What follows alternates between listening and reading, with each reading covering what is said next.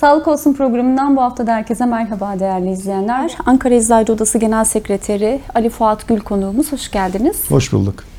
Ee, Ali Bey bu aslında bizim sizinle üçüncü programımız olacak. İşte ilaç fiyat e, kararnamesinin güncellenmemesi, işte ilaç krizini konuştuk. E, bu minvalde devam ettik ama e, anlıyoruz ki e, kriz derinleşti ve e, 16 e, Ekim'de Tandoğan Meydanı'nda büyük kitlesel bir e, miting yapacaksınız yıllar sonra. Sizden dinleyelim dilerseniz. Ne oldu? Geçtiğimiz sene Ekim ayından itibaren e, çok ciddi bir ilaç krizi başladı. Yani ilaç krizi derken e, ilaçta piyasada bulunmayan ilaçlar gitgide artmaya başladı.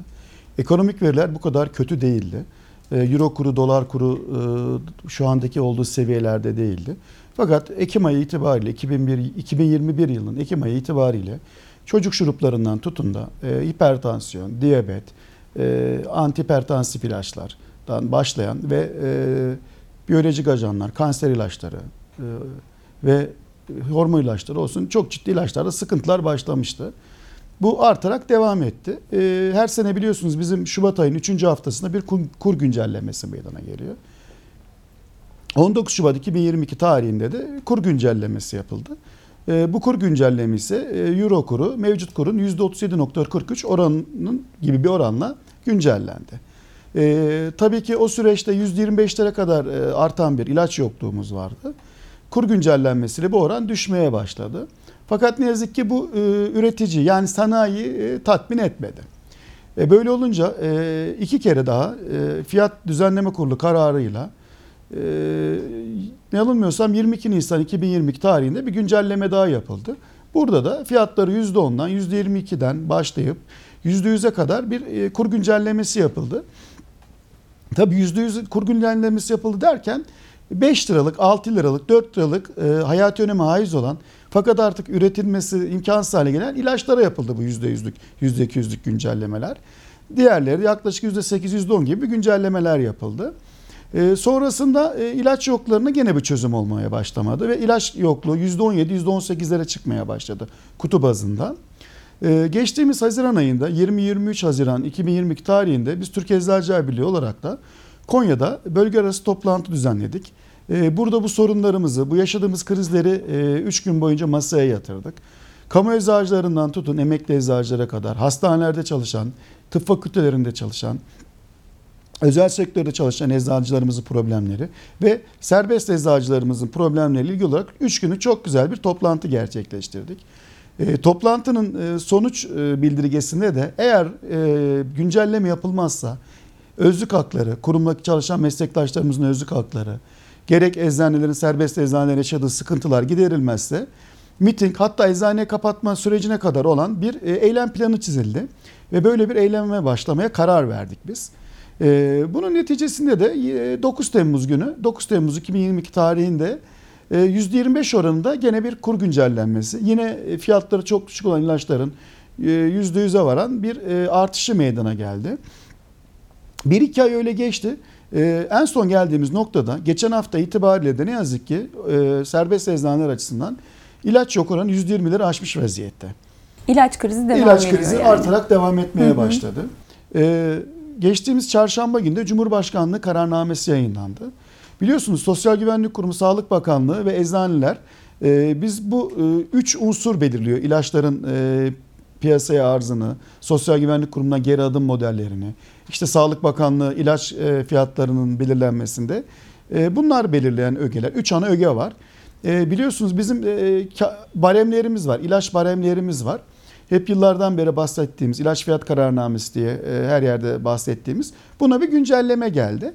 Bu yapılan güncellemede de e, daha önceden olan baremler vardı. 100 TL'ye yakından olan baremler. Bunlar kaldırıldı. 200 TL'ye kadar bir alt barem yapıldı. 200 0 200 TL, 200 400 TL, 400 TL üzerinde 3 tane yeni barem oluşturuldu. Burada ufak da olsa bir iyileştirme yapıldı. Fakat bunun gerçeğe yansıma oranı 1.7 ne yazık ki.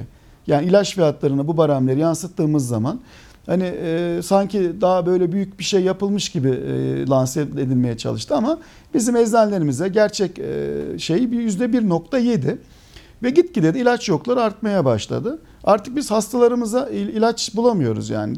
Gidiyor tedavisini oluyor doktor e, reçetesini yazıyor. Eczaneye geliyor ve ne yazık ki biz hastalarımız ilaçlarını tedarik edemiyoruz. Şu an kaç kalem ilaç yok piyasada? Net bir sayı var mı ya da yaklaşık Vallahi, bir sayı? Kübra Hanım tahminimize göre 2000'in üstünde bir ilaç sayımız ne yazık ki yok. Biz öyle olduğunu tahmin ediyoruz. Tabii bölgesel değişiklikler oluyor. Yani İç Anadolu bölgesinde farklı, Ankara farklı. Peki hayati öneme sahip ilaçlar? Kuşkusuz hepsi kıymetli ama Ya ne yazık ki en basit, ya ilacın basiti e, Değil zoru de diye bir tabii. şey yok tabii ki aslında. Her e, hastalık bizce önemli. Tansiyon hastalığı da önemli, diyabet hastalığı da önemli, kanser hastalığı da önemli. Ya en basit örnek tansiyon ilacınızı alamazsanız tansiyonunuz yükselecek. Allah göstermesin belki beyin kanaması geçireceksiniz, felç geçireceksiniz. Kalp krizi riskiniz artacak. Yani bunlar aslında baktığınız zaman ilaçsız kaldığı zaman vatandaşlarımız, yurttaşlarımız e, sağlık ocaklarına, sağlık tesislerine daha çabuk, daha çok talep olacak. E, örnek veriyorum tansiyon ilacıyla aylık kullanımı 100 TL olan bir tansiyon ilacı bulamadığı için belki hastanelere yatacak yoğun bakımları, masrafları daha fazla olarak devletimize dönüyor. şöyle devam edebiliriz Ali Hocam. Ee, meslek birliğiniz Sağlık Bakanlığı ile görüştü. Bu anlamda herhalde hekimlere göre daha şanslısınız diye düşünüyorum. Ee, ama e, ya Taner Bey'in ya da Arman Bey'in bir açıklaması vardı. Verilen sözler tutulmadı gibi sosyal medyada gördük bunları. Ee, görüşmeler nasıl oldu? Ne konuştunuz? Hangi sözler verildi? Ee, tutulmayan sözler neydi diye merak ettik. Ee, geçtiğimiz aylarda bahsettiğiniz gibi e, Sağlık Bakanlığı ile bir görüşme gerçekleştirildi. Çok geniş katılımlı bir görüşme oldu. Ee, bir, o gün bizim e, başkanlar danışma toplantımız vardı. Ee, 54 Eczacı Odası'nın başkanı ve yetkilileri e, o toplantıda bulundu. Ve e, Sayın Sağlık Bakanımızla bir görüşme gerçekleştirildi. Bu görüşmede kamudaki meslektaşlarımızın, emekli meslektaşlarımızın, özel sektöre çalışan meslektaşlarımızın sıkıntılarından tutun da serbest eczanelerin yaşadığı sıkıntılarla ilgili birçok sözler söylendi, iletildi. Neden, neden bu hale geldiğimiz kendilerine aktarıldı.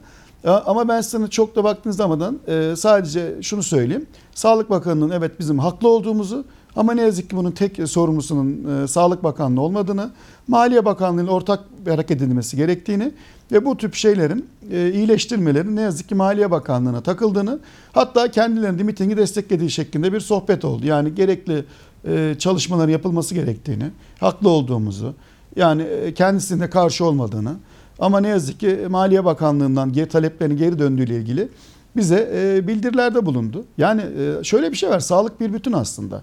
Yani mesela e, şöyle bir şey var. Geçtiğimiz e, dönemde bir özlük haklarını iyileştirme oldu doktorların diş. Ama eczacılar ne yazık ki yine unutuldu. Hani biz doktorlara niye yapıldı, bize yapılma doktorla yapılmasın şeklinde hiçbir zaman düşüncemiz olmadı. Ek ödeme yönetmeliğinde kamu Ne yazık ki- eczanelerini Ne yazık kapsamadı. ki e, öyle oldu. Yani e, doktorundan laborantına, sağlık teknisyenine, e, röntgen çekenden kanın alan hemşiresine kadar yani eczacısına kadar tamamıyla biz bir e, besin piramidi gibi düşünebiliriz bunu aslında. Biz hepimiz aynı taraftayız. Ve e, bu ne yazık ki bu yapılmayan e, iyileştirmelerden ötürü ve insanlar arasında biz ayrım yapılmasına çok karşıyız bir kere. Yani biz bir bütünüz. Sağlık çalışanıyız. Doktor tedavisini yazacak. Biz ilacını tedarik edeceğiz. Yatan hasta birimlerinde hastanelerde biliyorsunuz beslenme üniteleri var, TPN üniteleri var, kemoterapi üniteleri var. Yani oradaki eczacılarımızın aslında sadece ilaç hazırlayıp yukarıya servislere sevk etmek değil, hastanenin e, ilaç stoğunu yönetiyorlar ve ekonomiye verdikleri çok ciddi bir katkı var yani. Milyarlarca bir TL var. Şehir hastanesinde örnek veriyorum bizim 50-55 tane meslektaşımız hizmet veriyor. Aslında 200 tane meslektaşımızın orada çalışması gerekiyor en az. Ve ne yazık ki gün aşırı nöbet tutuyorlar yani. E, pandemi gibi ağır bir süreçten geçildi. Biliyorsunuz. Meslektaşlarınızı da kaybettiğiniz diğer sağlık yani evet emekçileri de biliyorsunuz gibi. e, ülkemiz ilk vefat eden e, sağlık çalışanı e, İstanbul'da değerli bir büyüğümüz bir eczacı meslektaşımızdı. Covid'den biz ilk onu kaybettik. Şimdi bir süredir aslında sosyal medyada çarpıcı etiketlerle durumunuzu izah etmeye çalışıyorsunuz. İşte eczaneler kapanmasın, kapanacak ya da işte şimdilik açık gibi. Ee, yani eczanelerin ekonomik durumunu aslında merak ediyoruz. Çünkü bazen haberlere şöyle e, gerçekler yansıyor. Eczacıların bankalara ciddi kredi borçları var ya da işte artık e, yüksek enflasyondan dolayı kendilerini çeviremediğine yönelik. E, buradan kendi meslektaşlarınızın dönütleri nasıl, ne yapıyorlar, nasıl ayakta kalıyorlar gerçekten merak ediyoruz. Yani ben size e, şöyle basit bir örnekle başlayayım. Geçen sene asgari ücret 2800 liraydı. Şu anda 5500 TL. E, geçtiğimiz sene elektrik fiyatları belliydi. Şu anda malum belli. E, diğer giderlerimiz bizim internet giderlerimiz, telefon giderlerimiz, zarf malzemesi giderlerimiz bunlar korkunç artmış vaziyette. Biz bunları engelleyemiyoruz. Eskiden biz dükkan kiralarımızdan korkardık. Şimdi elektrik faturamız dükkan kiramız kadar geliyor artık bizim. Yani bunlar çok ciddi şeyler. Ee, hani sadece biz e, raftan ilacı alıyoruz işte hasta hazırlıyoruz veriyoruz işte belli bir kar değil yani bizim konumuz. Biz ilaca zam gelmesini de istemiyoruz. Biz bunun bir düzene oturmasını bu kararname miyim? Adı kararname mi olur? İlaç alım şekli mi olur? Yani sağlık uygulama tebliğindeki değişiklikler mi olur? Ne olursa olsun biz bir kere artık bu sistemin şu andaki Türkiye gerçeğini yansıtmadığını düşünüyoruz. Biz bunun değiştirilmesi gerektiğini.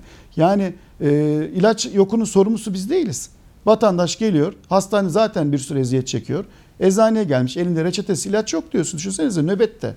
Akşam 10'da 9'da gelmiş eczanenize nöbet yok diyorsunuz. En basit antibiyotik şurubu yok diyorsunuz. Çocuk ateş düşürücü şurubu yok. Düşünsenize hepimiz anneyiz, hepimiz babayız. Hepimizin evlatları var, annelerimiz var, babalarımız var. Yani ilacını bulamama korkusu o hastanın yerine kendinizi koymak istemezsiniz. Ondan sonra istenmeyen şeyler oluyor. Bu sefer e, şiddet olayları da artıyor. Sağlıkta şiddet de artıyor. Yani ben insanlara da hak veriyoruz tabii ki. Yani doktorlar da bilmiyorlar şimdi ilaç var mı yok. Doktora da biz hani bir şey söyleyemiyoruz. Ha eğer iletişim kurma imkanımız olursa o yazdığı ila, e, hastalıkla ilgili o teşhislerde kullanabilecek il, e, ilaçları kendilerine söylüyoruz. İşte diğer eczacı meslektaşlarımıza arıyoruz işte sizde şu ilaç varsa e, hastayı yönlendireceğiz gibisinden. Yani biz bu tip şey elimizden geldiğince çözmeye çalışıyoruz. Ama ne yazık ki geçtiğimiz ay zaten %50 gene şişecama zam geldi. Şişecam dediğiniz bütün e, enjekt e, şöyle söyleyeyim şurup şişelerinin, flakonların üretildiği Türkiye'de tek tedarikçisi. Ve şu anda yani firmalar ne yazık ki üretim yapmıyorlar. Ellerinde ilaç varsa ayda 10 bin kutu gönderiyorlar. Şu anda biner kutu, 500'er kutu şeklinde ilaç gönderiyorlar eczacı depolarına. Onlar da eczanelere ellerinden gelince dağıtmaya çalışıyor. Ankara'da 2500 tane ilaç var. Düşünseniz 50 tane geliyor bir ilaçtan. Bir tane orman ilacı var. 100 tane geliyor. Bunu kime nasıl paylaştırabilirsiniz? Eczacı bunu satsa ne yapacak? Yani kar hani sanki biz e, şöyle bir algı oluşuyor. Biz sanki kar amacı güden bir kuruluşuz, ticarethaneyiz. İşte ilaçlara zam istiyoruz. Geçtiğimiz günlerde basınlarda hani e, bazı basın kanallarında bunları gördük. Bunlar bizi üzüyor yani. Biz de isteriz yani biz gelen bir insanı ilaçsız çevirmemeyi. Çünkü bizim e, okula ilk gittiğimiz gün, ilk başladığımız, ayık aldığımız dersten mezuniyet yeminimize kadar öncelik bizim halk sağlığımız her zaman yani. Hı hı. E, hafta sonu görüyoruz ki evet. yoğun bir e, trafiğiniz var, e, ilişkileriniz var. E, yapacağınız eylem e, sanıyorum kalabalık olacak. E, bir ilaç yokluğuna çare olacak mı? Ve son olarak da tabii talepleriniz neler? Hem meslektaşlarınıza hem de vatandaşlara e, nasıl seslenmek istersiniz? Valla şu an çok yoğun için? bir hazırlık içerisindeyiz. E, son 48 saatimiz artık. E, hafta sonu pazar günü saat 13'te Town Meeting gerçekleştireceğiz. Bütün meslektaşlarımızı, bütün yurttaşlarımızı e, pazar günü Ankara'da Town Down Meydanı'na bekliyoruz öncelikle. Valilikten gerekli yasal izinlerimiz alındı. E, tamamıyla her şey yasal çerçevede gerçekleştireceğimiz bir hak arayışımız olacak. E, Türkiye'nin e, bütün illerinden 54 tane eczacı odası vasıtasıyla otobüsler kiralandı. E, vatandaşlarımız gerek kendi arabalarıyla gerek toplu taşıma araçlarıyla Ankara'ya akın edecekler. Biz en son 2008 yılında bir miting yapmıştık. O zamanki mitingimizde yaklaşık 32 bin kişilik bir e, kalabalık olmuştu. Çok güzel bir kalabalık meydana gelmişti. E, hiçbir şekilde olay çıkmadan haklarımızı, isteklerimizi ileterek mitingimizi sonlandırmıştık. Pazar günü gene böyle bir çok kalabalık bir miting olacağını düşünüyoruz. Ankara'dan en az 15 bin kişinin katılacağını e, tahmin ediyoruz. Diğer illerimizden 400-500 arası otobüsün geleceğini tahmin ediyoruz. Çünkü buna göre planlamamız ona göre yapıldı. O gün orada e, yetkililere gerek Sağlık Bakanlığı, gerek Maliye Bakanlığı, gerek Cumhurbaşkanlığına haklı taleplerimizi yasal çerçevemizde ve en demokratik hakkımız olarak söylemlerimizle, konuşmalarımızla kendilerine aktaracağız. Bir kere sağlık bir bütündür. Biz tek amacımız serbest eczanelerin e, sorunları değil. Kamudaki çalışan meslektaşlarımızın özlük hakları, emekli olan vatandaşlarımızın aldıkları maaşların düşüklüğünden tutun da eczacılık fakültelerinde okuyan e, yeni e, genç meslektaşlar adaylarımızın bütün sıkıntılarına çözüm olabilmek. En başta niteliksiz eczacılık fakültelerinin açılmasına artık biz karşıyız. Ee, içinde eczacılık fakültesi, adı eczacılık fakültesi ama eczacı olmayan öğretim üyesi olan ne yazık ki fakültelerimiz var. Biz binleri bir kere bunların kapatılmasını istiyoruz. Nitelikli eczacılık fakülteleri açılması gerektiğini düşünüyoruz. Ondan sonra yani e, sağlıkta kesinlikle şiddet en önemli şeyimiz. Sağlık çalışanlar şiddete sonuna kadar karşıyız. Dünyada şiddete sonuna kadar şanslıyız ki sağlık çalışanı, insanları şifaya kavuşturan insanların şiddete uğramasına karşıyız. E, meslektaşlarımızın özlük hakları olsun, genel e, eczanelerimiz yaşadığı sıkıntılar olsun. Sesimizi duyurmaya çalışacağız Kübra Hanım. Çok teşekkürler Ben teşekkür ederim. için. Değerli izleyenler hafta yeniden karşınızda olmak dileğiyle. Hoşçakalın.